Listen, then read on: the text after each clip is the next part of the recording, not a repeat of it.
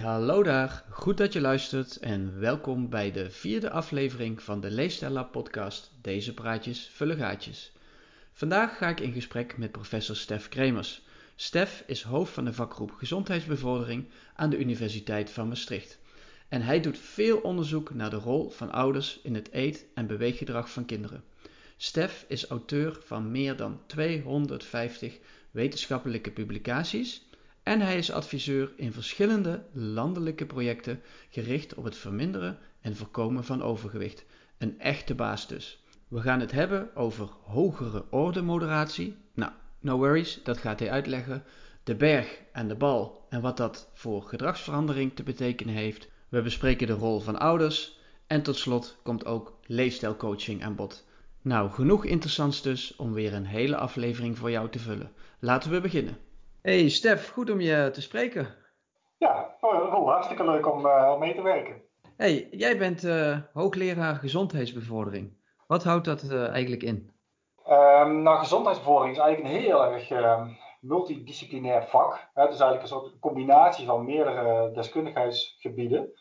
dus een hele groot onderdeel van wat gezondheidsbevordering is, is het begrijpen van menselijk gedrag. Dus laten we zeggen psychologie of sociale psychologie, toegepaste psychologie. Mm -hmm. dat is eigenlijk de basis van de gezondheidsbevordering. Hè. De, de gezondheidsbevordering heeft, spreekt heel vaak over de, de term gedrag. Hè. Dus gedrag is een van de meest uitgesproken woorden uh, in, ons, in ons vakgebied. Omdat we proberen gedrag te begrijpen. En op basis van die kennis proberen we mensen te helpen om dat gedrag te veranderen. Uh, als ze dat willen. Dat kan op allerlei manieren. Hè. Dus gezondheidsbevordering is onder andere gezondheidsvoorlichting, communicatie. Maar gezondheidsbevordering is ook omgevingsaanpassingen. Bijvoorbeeld om gezonde keuzes makkelijker te maken. En dat, dat, dat, is allemaal, dat valt allemaal binnen het palet van, uh, van gezondheidsbevordering. Oké, okay, dus gezondheidsbevordering richt zich dus zowel op het individu als op de omgeving. Precies. Ja, ja. en je bent niet alleen met uh, interventie bezig, maar ook met preventie, klopt dat? Uh, dat is niet helemaal een onderscheid. Hè? Dat vaak zijn de interventies die wij doen, zijn -hmm. vaak preventief van aard. Dus dat betekent dat wij proberen mensen te helpen bij het verbeteren, veranderen van hun leefstijl, om daarmee ziekte te voorkomen. He, dus het is eigenlijk een preventieve interventie. Wat wel een duidelijk onderscheid is, dat wij doen dus enerzijds interventiewerk, he, dus wij ontwikkelen interventies, mm -hmm. uh, en die proberen we ook te evalueren in de praktijk. En daarnaast doen wij determinantenonderzoek, zoals we dat noemen. Dus waar we eigenlijk proberen beter zicht te krijgen op oorzaken van gedrag. Hoe komt het nou dat mensen de dingen doen die ze doen? En dat, zijn, dat is wel een duidelijk onderscheid. En, en het is inderdaad zo dat ik allebei die type onderzoeken hartstikke interessant vind. En dus ook allebei uh, graag uh, doe. Ja, want hoe ben je in dit gebied eigenlijk terechtgekomen? Oeh, dat is een goede vraag. een stukje terug in de tijd inderdaad. Uh, nou, ik heb hier gestudeerd. Ik heb gezondheid, toen heette dat nog gezondheidsvoorlichting. Dus dat was echt de definitie van ons vakgebied nauwer dan dat het nu is. Daar kwam ik eigenlijk niet voor naar Maastricht. Ik weet niet of je dat allemaal wil weten. Maar ik kwam eigenlijk naar Maastricht om bewegingswetenschappen te gaan studeren. Mm -hmm. Omdat ik bewegen, beweeggedrag heel interessant vond. Uh, maar gedurende de studie bleek eigenlijk dat ik met name dat gedragstukje, dat psychologische stukje, dat prikkelde mij enorm. Uh, dus toen ben ik eigenlijk uh, afgeweken van mijn originele pad en ben ik gezondheidsvoorlichting gaan studeren. Wat prikkelde jou zo in dat gedrag dan? Ja, gewoon de, de, beetje de, fundamentele nieuwsgierigheid naar ehm, waarom doen wij nou eigenlijk de dingen die wij doen? Hè? We weten vaak heel goed uh, wat goed voor ons is, wat gezond voor ons is, en waar we blij van worden, en toch doen we het niet. Hè? En dat soort vragen, iedere keer als dat in het onderwijs naar, naar voren kwam, dan merkte ik, we gingen harder studeren. Er kwam een soort intrinsieke motivatie naar boven. Uh, meer nog dan bij uh, nou ja, soms de exacte vraagstukken die rondom bewegingswetenschappen zitten. Hè? Dan gaat het ook vaak om de hoek van de knie, hè, die een optimale hoekstand is om een bepaalde beweging uit te voeren ook hartstikke interessant, maar nou ja, die psychologie op de een of andere manier prikkelde mij meer.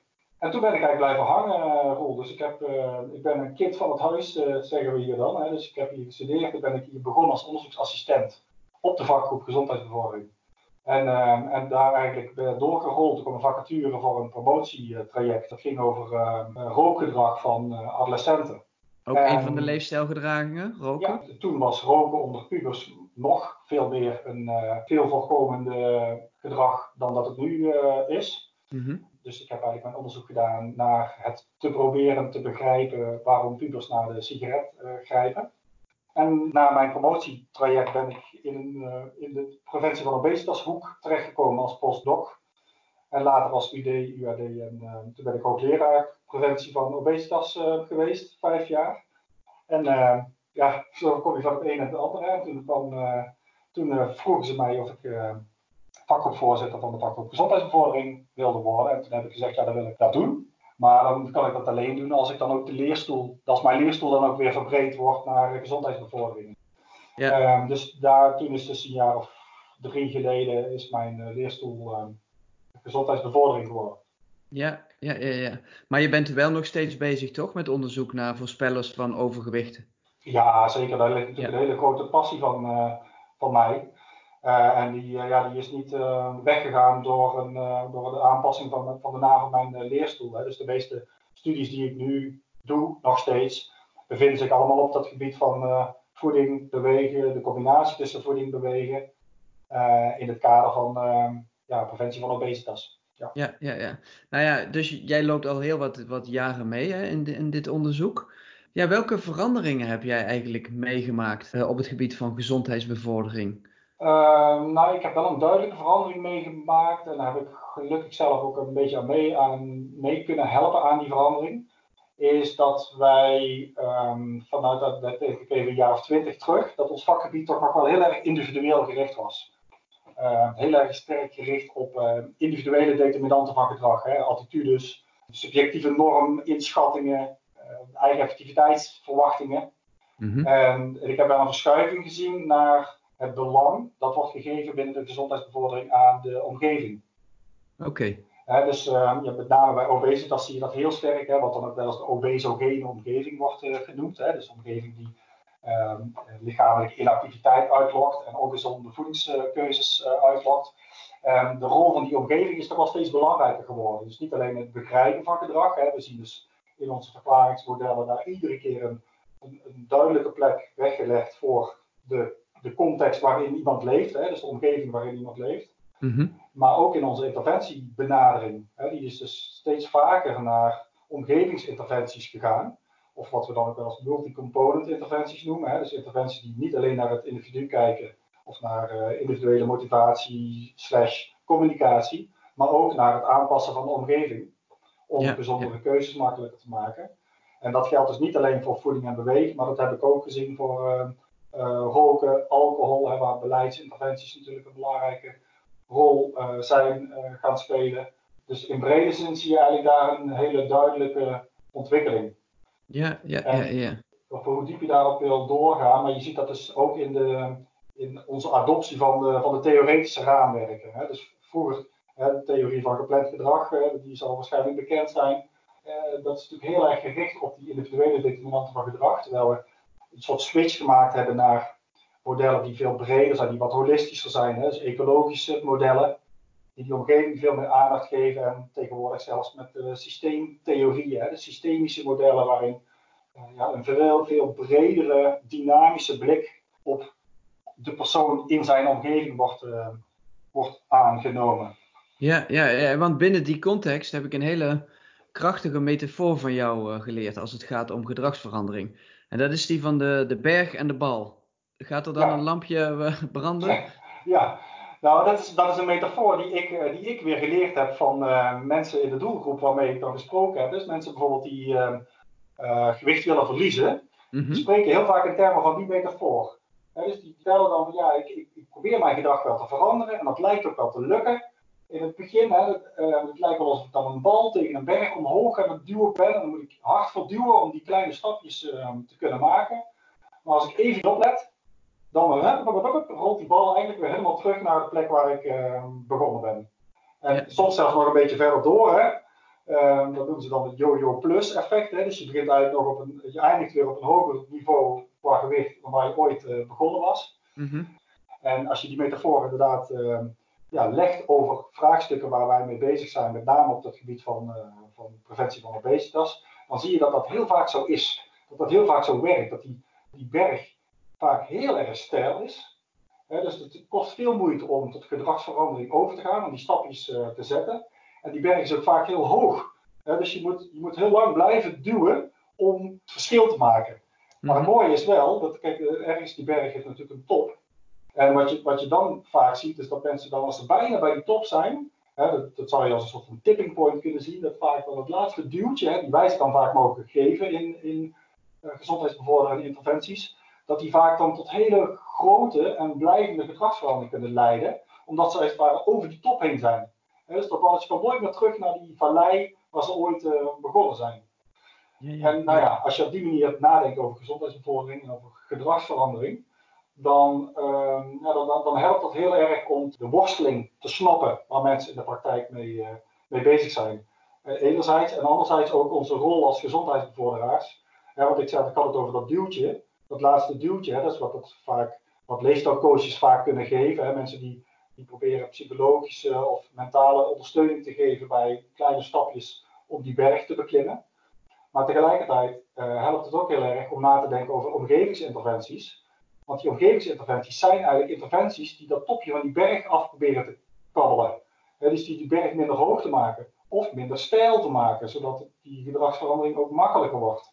Dus wij zijn, wij zijn ook bezig met, uh, met uh, een schepje en emmer, uh, zeg maar, hè, om die berg af te graven, als het ware, voor mensen. Om die uitdagingen in, het, in de echte wereld, in het dagelijks leven, wat minder groot te maken.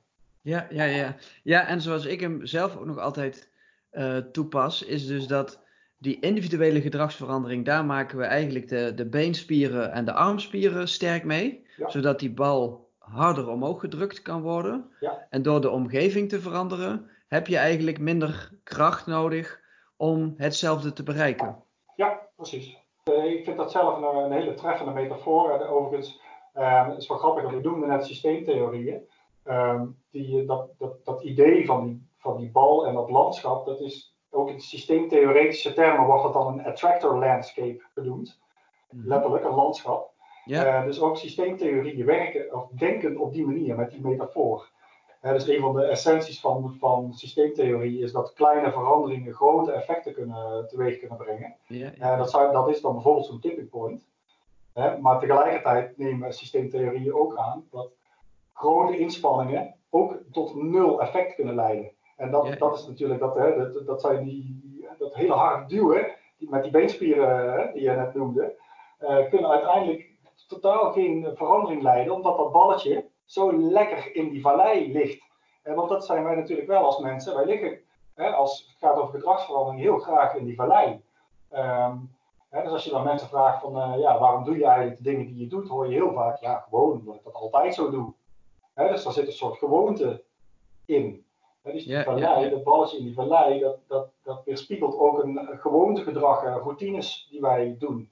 En dat is lekker makkelijk. Hè? Dus daar hoef je, heb je niet zoveel moeite voor nodig, heb je niet zoveel beenspieren uh, voor nodig. Hè? Daar hoef je niet zo hard voor, uh, voor te duwen. En ja, die systeemtheorieën nemen aan dat dat balletje geneigd is om iedere keer weer naar die vallei terug te rollen. En ja, dat, dat, ja dat, ik zie dat wel heel erg terug in, de, in mijn werk in de praktijk. Dat, dat, dat daar een bepaalde mate van, van waarheid in zit. Mooi, ja, nee, dus inderdaad, elke keer die, die balans tussen individu en omgeving en hoe je in dat samenspel verandering teweeg uh, kan brengen. Ja, en inderdaad, kijk, soms is het, is het heel nuttig om mensen wat uh, nou ja, krachttraining te geven, om wat harder te duwen. maar heel vaak ja, helpt het ook gewoon om die, om die helpsgroep wat te verkleinen. En ja, wat wij dus, als je wel reviews doet, hè, je doet een heleboel studies gooi je op een hoop en je kijkt door je oogharen van ja, wat, wat werkt nou het beste, dan zie je toch heel vaak dat die multi-component, zogenaamde multi-component interventies, het beste werken. En nou ja, in deze metafoor zijn dat vaak interventies die dus en helpen duwen en die helpshoek verkleinen. Ja, ja, ja. ja. ja dan, dan krijg je nou ja, wat, dan, uh, wat je dan synergie zou kunnen noemen. Hè. Dus het ene versterkt ook nog het andere. Hè, want die helft wordt kleiner, waardoor mensen ook wat meer motivatie krijgen om eens te proberen dat balletje te, omhoog te duwen. Ja. En, uh, en dan krijg je dus uh, ja, 1 plus 1 is meer dan 2. Ja, ja, ja, ja, mooi. Ja. Nee, en, en binnen dit kader heb je het ook wel vaak over hogere orde moderatie. Dat is natuurlijk wel een heel ingewikkeld begrip. Ja. zeker voor mensen die niet in het vakgebied zitten. Maar kun je uitleggen wat je hier precies mee bedoelt? Uh, ja, kan ik, uh, kan ik proberen. Ik probeer dat vaker uit te leggen. En het, ik, ik, moet eerlijk zeggen, het lukt me vaker niet dan wel om het in één keer goed uit te leggen. Ik ga een voorbeeld gebruiken. Ja, mooi. Um, Even kijken, fruitconsumptie van, van kinderen. Als je dus kijkt naar de fruitconsumptie van kinderen nu, waardoor wordt dat beïnvloed? Nou, dan spelen ouders een hele belangrijke rol, zeker als het over hele jonge kinderen gaat. Ja, want kinderen kunnen niet zelf naar de winkel, althans niet als ze een paar jaar oud zijn. Precies, kijk, die hebben relatief weinig autonomie nog om dit soort gedragskeuzes zelf te maken. Ja, ja. En ouders hebben daar natuurlijk een, een primaire rol in. Mm Bijvoorbeeld door de fruitmand heel duidelijk in het zicht in de kamer te zetten. Hè, daarvan weten we dat is een voortdurende prikkel die kinderen ehm, helpt om wat makkelijker die banaan te pakken. Ja. Of moeder te vragen of ze die banaan mogen, mogen eten. Andersom werkt het ook. Als je tegen je kind zegt, pak een banaan, dan helpt dat gewoon als die, als die fruitmand daar in het zicht uh, staat. Ja. De, wat ik nu beschrijf, dat noemen wij in de, in de, in de wetenschap noemen wij dat uh, ouderschapspraktijken. Mm Ouderschapspraktijken zijn heel erg gedragsspecifiek. Dus ik kan een ouderschapspraktijk hebben die gericht is op uh, fruitconsumptie, maar ik kan ook een ouderschapspraktijk hebben die gericht is op schermtijd, of op slapen, of op buitenspelen, et cetera. Ja, dus alle leefstijlgedragingen die een kind uh, kan vertonen, daar kunnen die opvoedpraktijken van invloed op zijn. Precies. Ja. En, uh, en dat kunnen huisregels zijn, dat kan inderdaad uh, stimulatie zijn om een bepaald gedrag te vertonen. Of inderdaad die fruitmand lekker mooi aankleden en goed in het zicht zetten. Mm -hmm. nou, wat, wat wij nu weten is dat die, dat die factor dat noem ik dan even een, een proximale determinant van gedrag. Zit relatief dicht bij het gedrag aan. Hè? Ik zeg tegen mijn zoon, pak een banaan en hij pakt een banaan. Dat is heel erg ja, proximaal. Ja. Maar wat wij nu weten is dat er ook uh, factoren zijn in, die ouderschaps, in, dat, in het ouderschapsspectrum dat wat verder van het gedrag van het kind afstaat. En dan heb je het bijvoorbeeld over een emotioneel klimaat dat thuis heerst.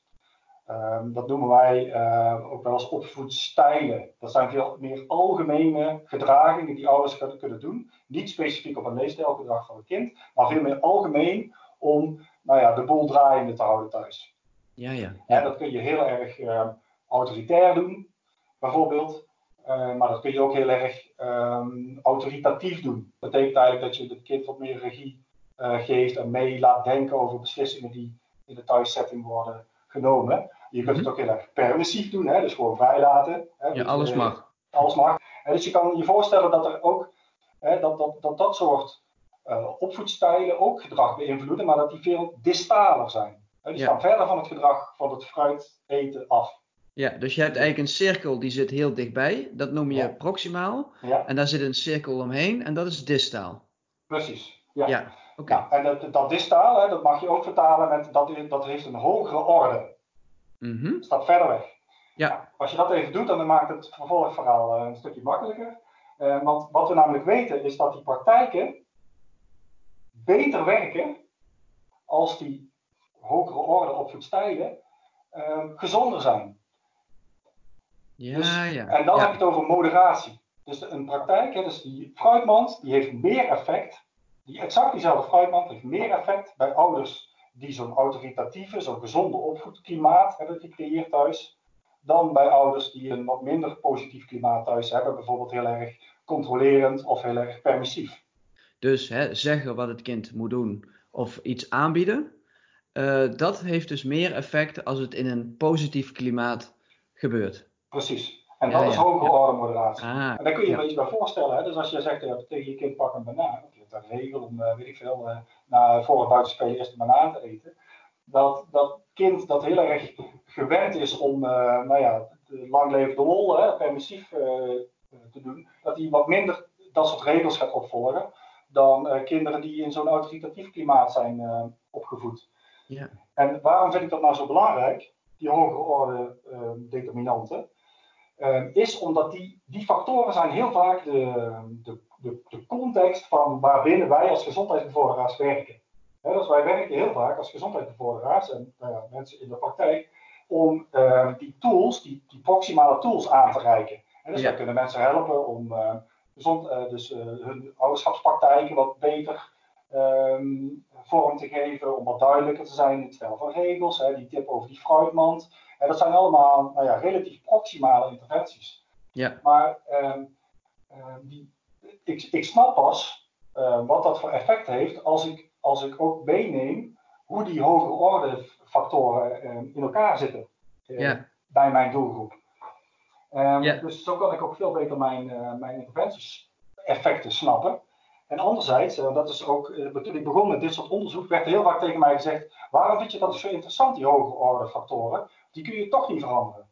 He, want dat is eigenlijk een soort implicatie. Hè? Hoe verder het wegstaat van het kind, hoe mhm. stabieler het wordt hè? en, en, en onverander, hoe onveranderbaarder het wordt. Nou ja, daarvan hebben wij toch wel regelmatig kunnen laten zien in ons onderzoek dat dat uh, wel degelijk veranderd kan worden. Hè? Dus het is wel degelijk mogelijk, het is niet makkelijk, maar het is wel degelijk mogelijk om bijvoorbeeld die opvoedstijlen, om ouders te helpen, om die opvoedstijlen uh, op een andere manier uh, vorm te geven. Want jij maakt daar een linkje met je onderzoek. Van, kun je een voorbeeld geven van hoe dat jullie gelukt is dan?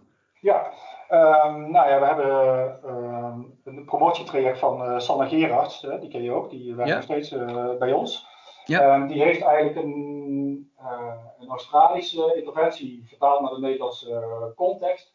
Uh, triple P, dat, wordt in de, in de praktijk heel veel uitgevoerd als opvoedingsondersteuning. Dat triple P overigens staat voor Positive Parenting Program. En uh, triple P had ook een uh, variant richting leefstijl, lifestyle triple P. En wat Sanne heeft gedaan is die lifestyle triple P interventie onderzocht op effectiviteit. En die, het mooie van die lifestyle triple P interventie is dat hij dus niet alleen die praktijken probeert te beïnvloeden, maar ook die ouderschap uh, stijlen, die positive parenting, um, um, te helpen veranderen. Dus, en mensen bij te helpen. En er zijn mensen die uh, hebben meegedaan aan uh, dat onderzoek. Dat waren ouders van kinderen met overgewicht. Ja. niet met obesitas, niet met normaal gewicht, maar met overgewicht. Ja. En ehm, zijn in, in de interventie geholpen om die praktijken en die stijlen te helpen. En dan zie je dus dat ouders dat eigenlijk heel graag willen. Mm dat, dat er is een soort, um, hoe moet ik het zeggen, een, een, gevoel van machteloosheid ontstaan bij die ouders, om, dat, om daar uh, handen en voeten aan te geven. En wat die interventie dan deed, was die, die houvast weer teruggeven. En de handvatten om dat, uh, om dat concreet um, te doen.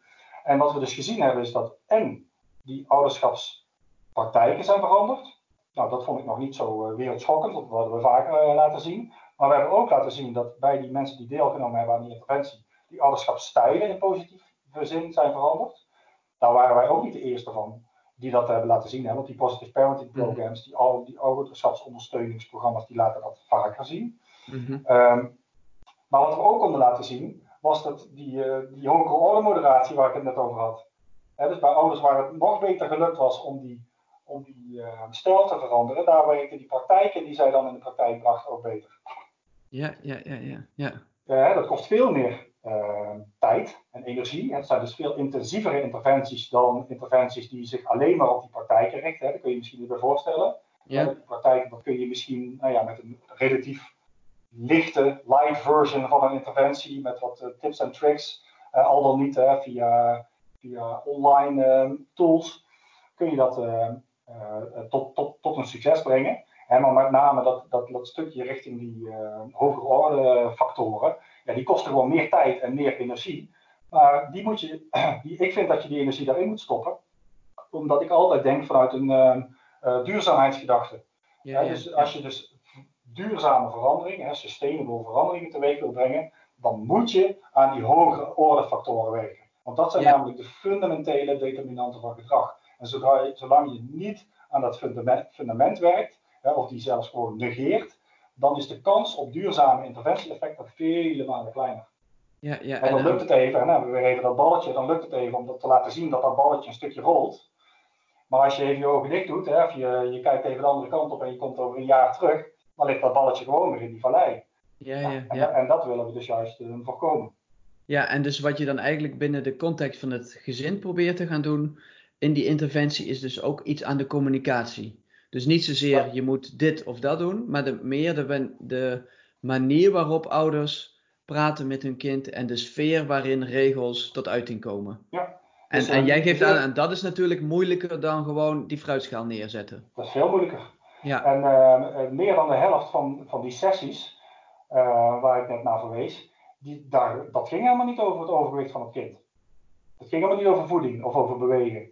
Hè, maar dat ging inderdaad veel meer over algemene uh, emotionele klimaatfactoren. dus van ja, hoe, hoe, praat je met je kind?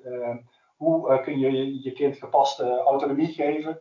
afhankelijk van de leeftijdsfase waarin het kind zich bevindt. Hoe ga ik om met het geven van straf? hoe ga ik om met het geven van complimenten? dus dat, dat zijn allemaal onderwerpen die totaal niks hè, te maken hebben met het vocabulaire dat je gebruikt als je het over ehm, gezond eten hebt, bijvoorbeeld. Uh, maar, en toch zag je het effect op, uh, op voedingskeuzes ehm, van, die, van die kinderen. Ja. Dat is natuurlijk wel hartstikke mooi om te zien. Ja, zeker. Ja, want dit thema, hè, dat gezond opvoeden, dat loopt eigenlijk ook wel als een rode draad door jouw loopbaan. Hè? Dus je hebt eerst heel veel gedaan met opvoedstijlen en opvoedpraktijken. En nu, redelijk recent, zijn jullie eigenlijk op een, een nieuwe uh, ja, factor terechtgekomen. Hè? Het voedingsklimaat in het gezin. Oh ja. ja. Kun je, kun je daar uh, wat over vertellen? Want dat is eigenlijk wel een, echt iets nieuws hè? van uh, de laatste jaren. Ja, ja, het is echt iets nieuws. maar eigenlijk is het bruggetje niet zo heel groot vanuit het vorige onderwerp naar dit nee, onderwerp. Nee. Ehm, want die, dat voedingsklimaat, ja, ik ga nu proberen toch eventjes die theorie links te laten liggen. Oh, ik dacht dat je mijn bruggetjes probeerde uit te leggen. ja, ik kan alweer een soort theoretische uh, proberen te schetsen. Ja, jij ziet mij natuurlijk niet, maar ik zit met mijn handen te zwaaien en oh, ja. een uh, model uh, te tekenen in de lucht. ja. Ehm, maar ehm, ja, waar het op neerkomt is dat, die, kijk, dat, dat voedingsklimaat, um, dat is dus een, een factor die, die zweeft min of meer rondom die voedingspraktijken. Dus die zijn niet zo concreet als Um, wat ik net probeerde uit te leggen met die fruitmand ja, die praktijk. en die regels. Ja. Ja. Maar het is eigenlijk meer het voedingsklimaat dat daaromheen hangt. Het is eigenlijk een soort waardepatroon dat is ontstaan, of dat, dat aanwezig is in een bepaald gezin rondom gezond eten. Um, of de manier waarop daarover wordt gepraat. dus dat gaat nog even los van hoe ga ik mijn kind beïnvloeden om dat gedrag uh, te vertonen. Maar het gaat meer over een soort algemeen waardepatroon dat heerst in een, uh, in een gezin rondom voeding. dan kun je bijvoorbeeld denken over nou ja, hoe wordt er gesproken over ehm, ehm, het, het, het, consumeren van vlees? Hè? Dus ehm, het onderwerp flexitariër, wordt dat, wordt dat aangesneden en welke waarde wordt daar aan gehecht uh, in het algemeen als er uh, over, over dit onderwerp wordt uh, gesproken? Dus dat is ook weer een, ja. ja, precies. En, en dat is dus, een, ja, dan moet ik toch weer die stomme theorie erbij halen, maar dat ligt dus ietsje distaler dan die proximale praktijken. Mm -hmm. En dus ook daar uh, veronderstellen wij een modererende uh, functie. Ja, dus dat is dus- eigenlijk, eigenlijk een, een variant uh, binnen dit specifieke gebied op die hogere orde. Ja, precies. Het voedingsklimaat. Ja. Dus het ja. gaat nu niet zozeer over een responsief opvoeden of vrij opvoeden of autoritair opvoeden, maar het gaat meer over het klimaat in het gezin, hoe er over voeding en gezondheid gesproken wordt. Ja, precies. Ja, ja dus het is een iets uh, hogere orde dan die voedingspraktijken die ouders hebben. Uh, maar als je, nou ja, als je dan toch maar even weer die uh, opvoedstijl erbij zou pakken, het, staat dus op een lagere orde dan die opvoedstijl. Ja, ja. ja. Dus nou ja, dan kun je natuurlijk, ja, vandaar dat ik met mijn handen aan het wapperen was. Ja, dat je natuurlijk een soort, uh, je ziet een soort uh, hiërarchie ontstaan. Hè? Um, uh, ik verbaas me er nog steeds over dat dat gezondheidsklimaat en ook het voedingsklimaat in gezinnen is minder hoog dan dat jij en ik zouden denken. En dat wat jij en ik zouden denken, dat baseer ik dan even nu op nou ja, uh, mensen die wij normaal gesproken uh, beroepsmatig dan ja, ja, wel ja. vriendschappelijk tegenkomen. Ja, wij zijn een beetje gedeformeerd, hè? Ja. Hè? Een uh, eigen granola maken, een van ja. jouw uh, befaamde recepten. Ja, klopt. maar dat maar is natuurlijk niet iets wat iedereen doet. Maar nee. wij vinden dat zo normaal geworden. Ja, dat is nee. een beetje wat je zegt, hè? Precies, je moet dat zeker niet overschatten. En, en nou ja, dat, dat, het feit dat je dat niet overschat, helpt natuurlijk wel bij het, het zoeken naar de goede insteek voor nou ja, voor pogingen om die mensen te helpen om bijzondere keuzes uh, te maken. Uh, maar dat balletje ligt een stuk dieper dan je zou denken en ook een stuk beter ingebed in uh, die heuvels die daaromheen liggen. Met andere woorden, hè, dat zijn hele vastgevormde routines die in die gezinnen ehm, zijn ontstaan. wat nog maar weer ondersteunt dat je dus ook echt aan die fundamentelere factoren moet werken en dat uh, ja, goed bedoelde, hè, dat, dat begrijp je niet verkeerd, goed bedoelde adviezen het verschil niet gaan maken bij, nou ja, laten we maar even zeggen, twee derde van de Nederlandse gezinnen. Ja, ja, ja. Nee, want dat was ook meteen de volgende vraag. Uh, kijk, jij bent al heel lang bezig hè, met, met onderzoek naar uh, uh, ouders en eetgedrag van kinderen. Um, en uit de wetenschap weten we eigenlijk al best wel goed wat wel werkt en wat niet zo goed werkt. En wat wel een positief effect heeft op het gewicht van het kind. En wat niet zo'n gunstig effect heeft op het gewicht van het kind. Maar de praktijk is weer barstig. Hoe zorgen wij nou, uh, en uh, jij met jouw vakgroep ook uh, in het bijzonder, hoe die kennis nou terechtkomt bij die ouders die het ja, nodig hebben? Ja, nou kijk, ik denk er zijn een aantal, aantal goede ontwikkelingen op dit gebied. Um, ik zou zeker niet uh, de pessimist willen uithangen in dit gesprek. Dat ben ik van nature niet. Nou, ik noem even een voorbeeld, hè, het preventieakkoord. Ik denk dat het preventieakkoord een hele goede opstap is om, om, daar, om verandering hierin aan te brengen. Om, dus om, om ouders, of welke doelgroep dan ook rondom voedingsgedrag, dan in dit geval hangt dat ook expliciet naar dat, dat daar hele uh, belangrijke stappen worden gemaakt om in ieder geval die mindset van onze beleidsmakers mm -hmm. richting die preventie te krijgen. En eigenlijk, als je daar over dat, over die, vanuit een soort hoger orde perspectief naar kijkt, is dat ook een hele fundamentele determinant natuurlijk van, uh, van praktijken die, die in de lokale uh, gemeenten in Nederland uh, worden uitgerold dus ik denk dat dat is heel belangrijk dat er, dat er politiek bestuurlijk draagvlak is um, om dit onderwerp op de kaart te zetten. En om um, ja, te, werken naar een, een, een, een, omgeving waarin gezondere keuzes makkelijker worden. Um, ik ben ervan overtuigd dat die omgeving een bevorderend effect gaat hebben op allerlei gedachten, beliefs, cognities die onze maatschappij heeft ten aanzien van het gezonde eten. Mhm. als dat goedkoper wordt, als dat lekkerder wordt, als het makkelijker verkrijgbaar is, eh, als je de keuzes uh, niet meer zo ingewikkeld uh, hoeft te maken, dan neemt de consumptie toe en daarmee ook de vraag en de intrinsieke motivatie om dat soort gedrag vaker te vertonen. Ja, ja, ja. Ehm, dus ik denk wat, wat we daarmee, wat, wat ik probeer te zeggen, is hè, wij kunnen doen wat we willen hè, als we de gezondheidsbevorderaars. Maar die, die bodem, die, die, bodem moet wel vruchtbaar zijn. Ja. Dus wij kunnen zaadjes proberen te planten, maar als dat een onvruchtbare bodem is, hè, dus er is geen politiek bestuurlijk draagvlak, um, dan, gaat het, dan gaat het hem gewoon niet worden. Nee. Wat wij kunnen doen is die zaadjes van een hoge kwaliteit maken. Hè, dus dat betekent dat we gewoon goed onderzoek moeten doen, duidelijk empirie uh, um, proberen uh, op tafel te krijgen en die empirie te vertalen naar hè, wat dan wel eens werkzame principes uh, wordt genoemd, hè, dus werkzame elementen. Dus we proberen die interventies zodanig vorm te geven dat de kans op, uh, op succes uh, wordt, wordt vergroot. En dat, dat is denk ik nou ja, de bijdrage die wij kunnen leveren. En ik vind zelf ehm, dat we daar nog stappen in moeten zetten. Maar dat zie ik wel degelijk als een taak van mij. Is dat die mensen die die zaadjes planten. En dat, dat zijn dus eigenlijk onze mensen die aan gezondheidsbevordering doen, in, in brede zin, in de praktijk, hè, onze mm intermediairen.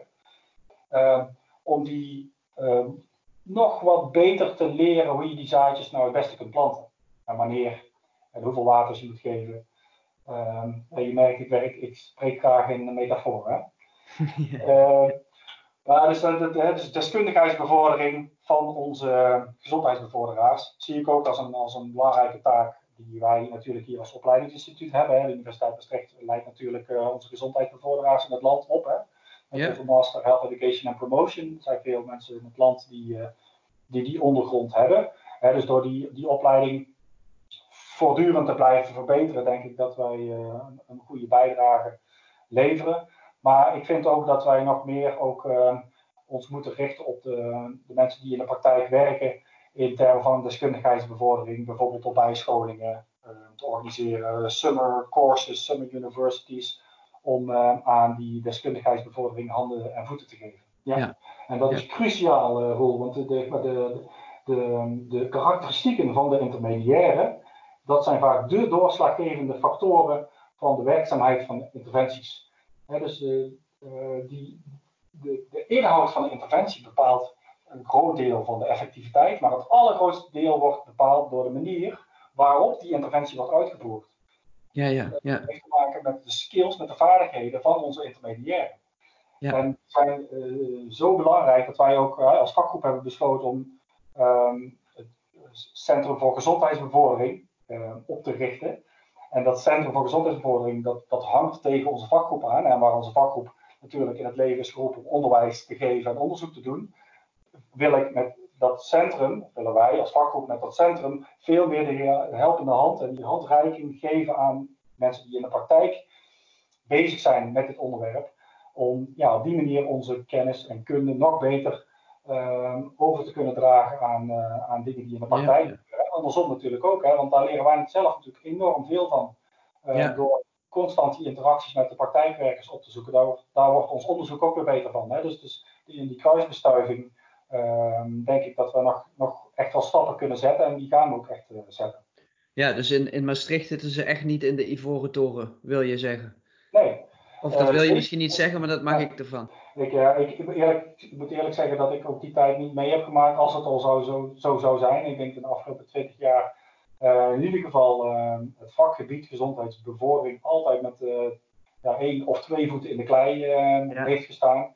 Dus wij zijn natuurlijk echt praktijk eh, onderzoekers, praktijkwerkers. Um, en ik bedoel, die ivoren toren zullen er echt wel zijn hoor, in de, in de wetenschap. Maar, ik, ja, ik, maar niet bij ja, ons. Ik herken het in ieder geval niet nee. als het gaat over gezondheidsbevordering. Nee. nee. Hey, we hebben het net al even kort gehad hè, over uh, opvoeding. Um, ja, zijn er mythes of fabels rondom de opvoeding, uh, eten, bewegen, die jij nog steeds tegenkomt en die jij wel eens even zou willen ontkrachten? Uh, ja, er zijn een heleboel uh, mythen en fabels. Kijk, uh, een van, de, een van de, ja, de mythen die je vaak hoort, is dat je hele drastische veranderingen in gedrag zou moeten vertonen om überhaupt een gezondheidseffect te creëren. Hè, en dat wordt natuurlijk gretig opgepikt door allerlei, hè, bijvoorbeeld dieetgoeroes of allerlei hypes die dan rondom voeding um, ja, de ronde doen. Mm -hmm. En die gretig worden opgepikt door veel mensen. Uh, maar dat is echt een mythe. Ja, dus... um, dat je zelfs hele kleine veranderingen in gedrag kunnen um, grote effecten hebben op, uh, op gezondheid. Ja, want en hoe zou dat werken dan? Ja, nou, dat, dat, dat is met name gerelateerd aan die duurzaamheid. Kijk, ja. die hele drastische verandering, dat, nou, ik zou bijna zeggen, dat kan iedereen. Um, dat is even een week heel weinig calorieën eten, ja, dat is enorm zwaar. Maar dat, mm. uh, dat gaat je lukken. Ja, uh, zeker als er een challenge aan verbonden is. Precies, hè, ja. een challenge. En dan, uh, en dan gaat je dat lukken. maar daar word je niet gezonder van. Want mm. het probleem is namelijk dat die gezondheid die reageert op duurzame gedragsverandering. En um, die, dat gedrag hou je gewoon niet vol. Dat is gewoon tegen natuurlijk zo'n challenge. is niet niks een challenge, want dat betekent, dat betekent ja, per definitie dat er een eindstreep zit. En die eindstreep die wil, je, die wil je niet hebben. Hè? Je wil eigenlijk een voortdurende verandering van gedrag uh, vertonen. Hè, dus een van de eerste dingen die wij vaak moeten doen als gezondheidsbevorderaars is, uh, ja, noem het maar even een reality check aan de, alle goede bedoelingen en de hoge doelen die, uh, die deelnemers van onze programma's um, uiten. Ja.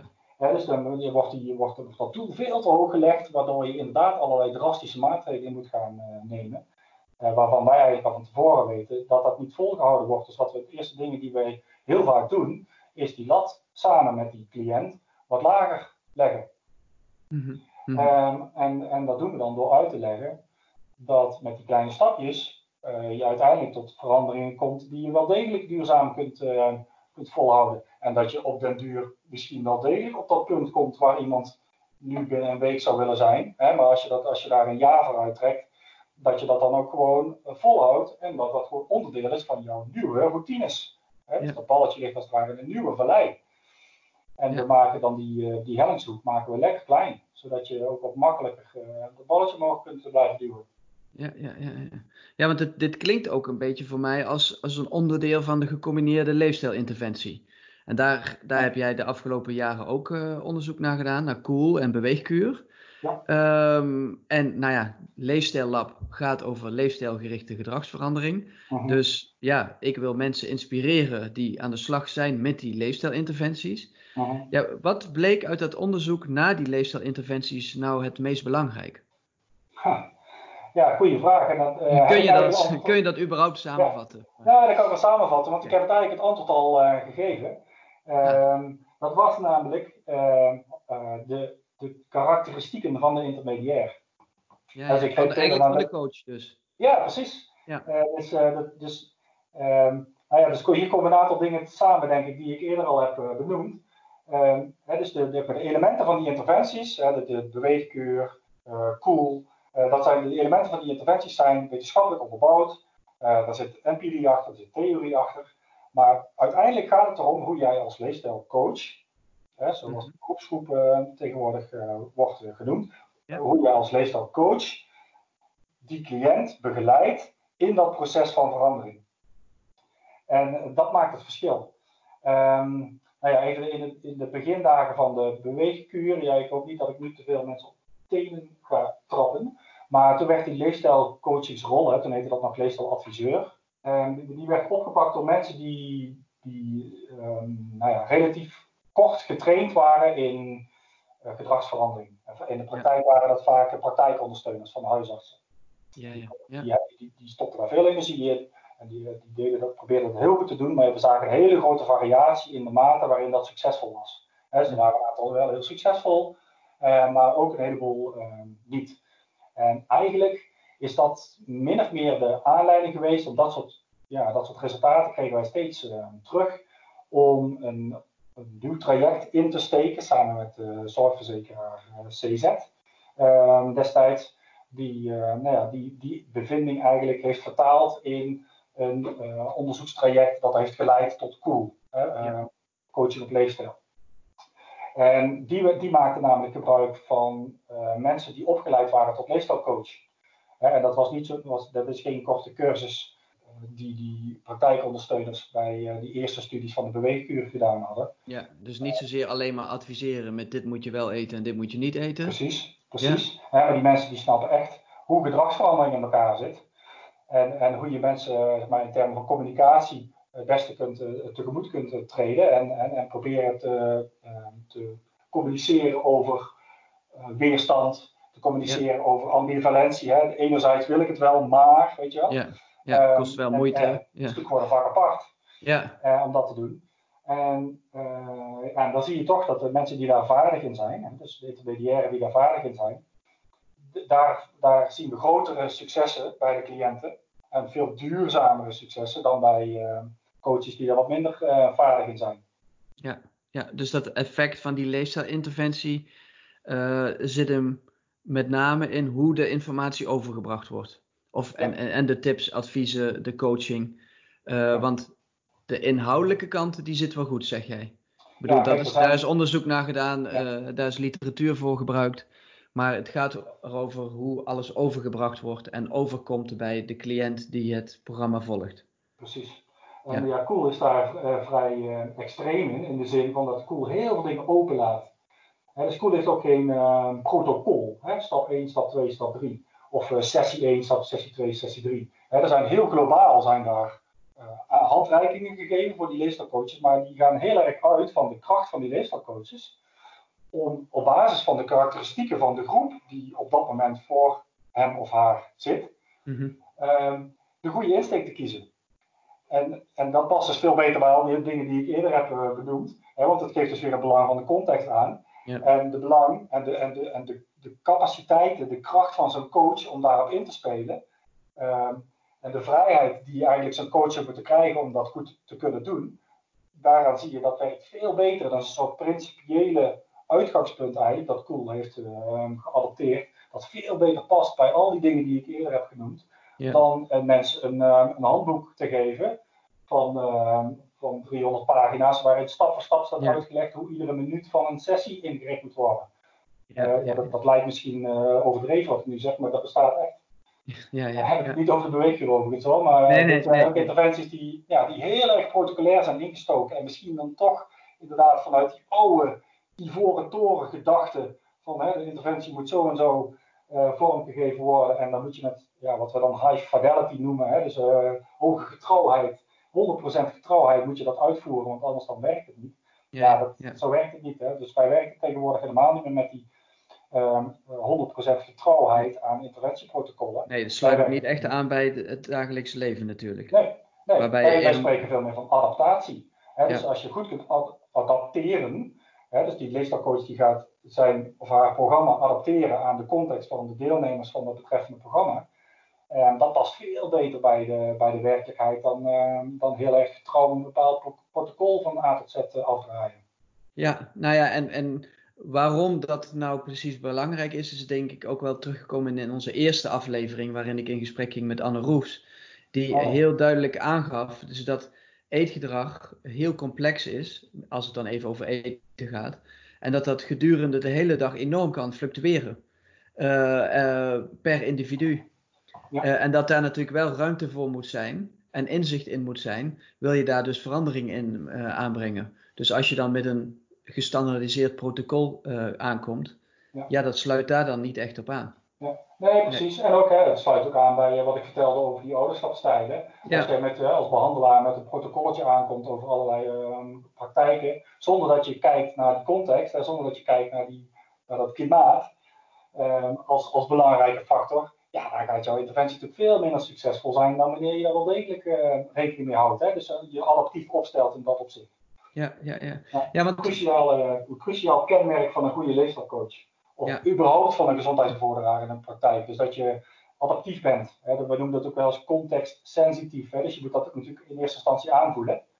Hè? Wat de, de context uitademt en wat het nodig heeft. En, en dan moet je daar nog naar kunnen handelen. Uh, in adaptief opzicht. Maar ja, dat zijn typisch van die uh, dingen die, die, ja, die, die, zo belangrijk zijn. En waar wij dus zelf ook ja, wel een rol zien als, als vakgroep en als Centrum voor Gezondheidsbevordering om daar de praktijk nog wat beter mee te helpen en te ondersteunen. Hoe je die adaptieve houding dan vormgeeft in de praktijk.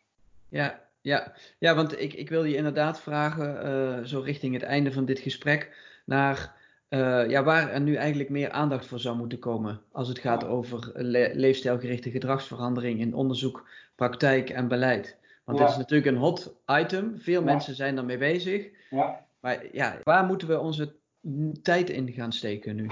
Ja, nou dan, dan inderdaad, dan ben ik je misschien net voor geweest met die vraag. Want ik denk ja. dat dat lijntje oppak uh, dat ik net uh, probeerde uit uh, te zetten. Want ik denk echt dat dat een cruciale factor is. En, en dat is eng, hè? want het, als ik met beleidsmakers praat, of met mensen die een soort managementrollen hebben in de, in de praktijk, dat is heel eng om die touwtjes te laten vieren.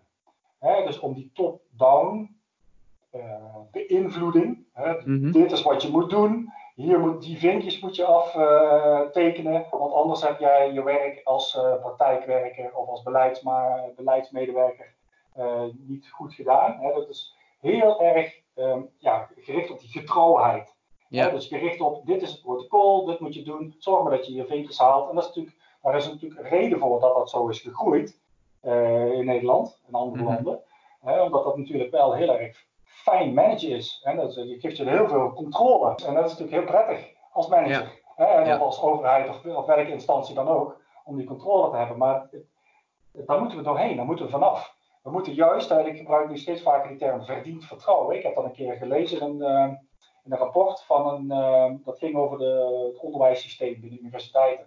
En dat universiteiten, ook onderwijzers universiteiten, nou ja, dat hoef ik jou niet uit te leggen, maar die, um, die, die werken ook heel vaak uh, met uh, nou ja, allerlei Excel-files die bijgehouden moeten worden, allerlei documenten die aangevinkt moeten worden mm -hmm. om, een, om je werk goed te doen. En veel te weinig vanuit een verdiend vertrouwen.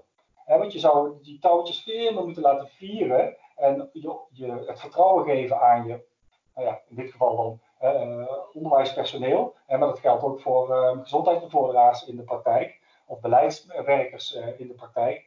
Die zou je veel meer moeten laten werken op basis van vertrouwen dat zij verdiend hebben dat zij adaptief hun werk ja. goed kunnen doen. Ja, en dus als je die, die, die wat laat vieren, hè, dat, dat zou je ook autonomie kunnen noemen, wat meer autonomie uh, geeft, dan, dan pakken mensen dat op. Tenminste, jouw goede krachten pakken dat op. En die gaan uh, floreren. Nou ja, we weten allebei over autonomie granting. Hè, als je mensen autonomie geeft, dan gaat dat op een gegeven moment uitstralen naar motivatie, intrinsieke motivatie. Nou ja, het liefst, dat is ook het liefste wat je wil, dat je intrinsiek ja. Ehm, mensen hebt rondlopen ehm, in de praktijk. Dus ik denk dat ja, daar moeten we veel meer heen en we moeten af van die, nou ja, van die vinklijstjes en de protocollen en, en veel meer uh, op werk, gaan werken op basis van die contextsensitiviteit en mensen daar de ruimte voor kunnen geven om, dat, om contextsensitief te zijn. Ja, ja, ja, dus de, iemand die in Arnhem, Nijmegen, Amsterdam, Rotterdam burgers wil simuleren naar een gezonde leefstijl als beleidsmedewerker of als leefstijlcoach, die moet wat vrijheid krijgen, uh, zeg jij, om zijn werk te doen. En niet lijstjes afvinken. Ja. En niet op BMI afgerekend worden, bijvoorbeeld. Ja, ja, inderdaad. Of het aantal keren dat hij een school bezocht heeft, of het aantal uh, sessies dat hij heeft georganiseerd voor, uh, voor een bepaalde doelgroep. Uh, ja. dus dit gaat, ik, ik, vind zelf het veel fijner om, ehm, te, om te evalueren op de mate waarin iemand interventie of een, of een bepaalde setting adaptief is geweest. dus in hoeverre de uitvoering van een bepaalde interventie is gaan passen bij de context waarin die is geïmplementeerd.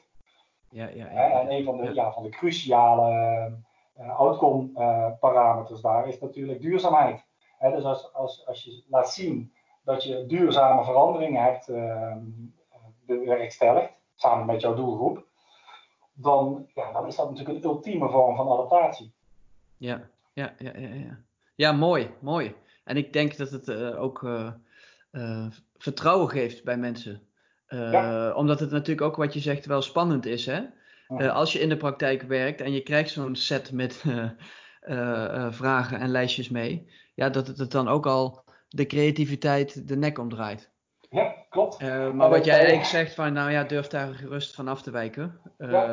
ja, durf adaptief te zijn. ja. ja. Ja, precies. En dan moet je eigenlijk uitstralen in al je vezels uh, dat je op die manier werkt. Hè? Want uh, ja, waar, waar, waar, wij natuurlijk in de praktijk vaak mee te maken hebben, is dat er bepaalde routines zijn ontstaan. Hè? Dus mensen voelen dan daar een soort houvast aan, aan die protocollen. En als je dan die protocollen ineens weg gaat pakken, ja, dan hebben mensen soms het gevoel van, hey shit, ik ben nu aan het uh, zwemmen. Ja, hoe, hoe, moet ik dat dan doen? Hè? En hoe moet ik dan reageren als mijn cliënt dat en dat zegt?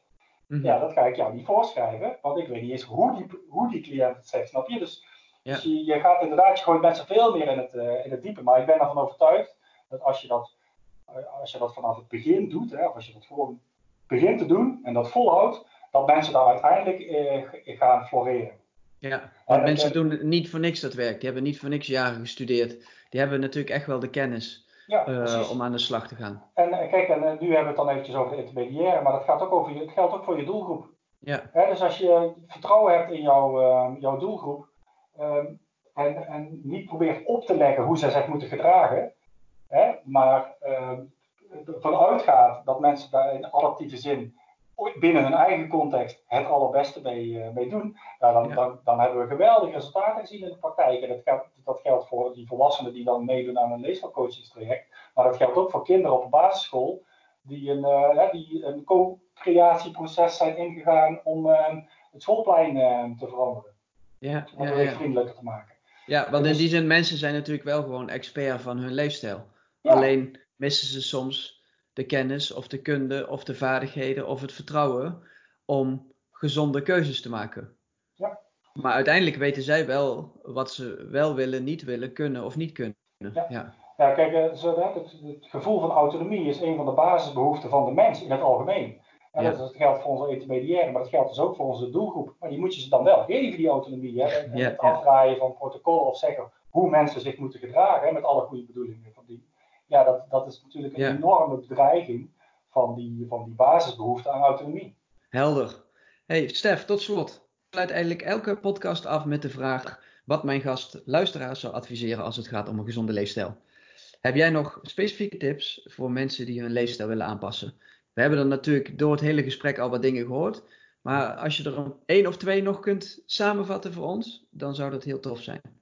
Ja, uh, uh, doe niet te gek, uh, zou ik zeggen, Roel. Hè? Dat, ik heb daar inderdaad net wat eerder wat over gezegd. Ja. Het stellen van die, van die hoge doelen. Hè, maar kleine veranderingen, die maken juist de grote verschillen. Ja. Ja, dat zou ik, dat zou ik de luisteraars nog even mee willen geven. Ja. Doe maar, doe maar normaal, dat is al moeilijk genoeg. Ja, precies. hey Stef, enorm bedankt voor, jou, voor je tijd. Bedankt dat je je jarenlange ervaring met ons wilde delen. Ja, wij spreken elkaar hopelijk binnenkort weer in het echt. Graag gedaan, Paul. Hey, groetjes. Tot, tot ziens. Ja, dat was hem weer. Het gesprek uh, met Stef. 50 minuten lang interessante informatie over uh, gezondheidsbevordering. Nou, je weet nu een beetje hoe het werkt. Stef heeft veel daarover verteld. Nou, je weet waarom mensen terugvallen of de kans op terugval groot is bij gedragsverandering. Je hebt meer gehoord over de rol van ouders in de eetopvoeding. Dus hoe kunnen zij hun kind stimuleren om gezond te eten? En Stef heeft uitgelegd wat nu cruciaal is bij leefstijlcoaching. Dus de kwaliteiten eigenlijk van de coach, die voor een groot gedeelte bepalen wat het succes is van de interventie. Nou, genoeg stof tot nadenken. Ik ga afsluiten voor vandaag en ik zie jullie graag weer terug bij de nieuwe aflevering van Deze Praatjes Vullen Gaatjes, de podcast van Leefstijl Tot een volgende keer.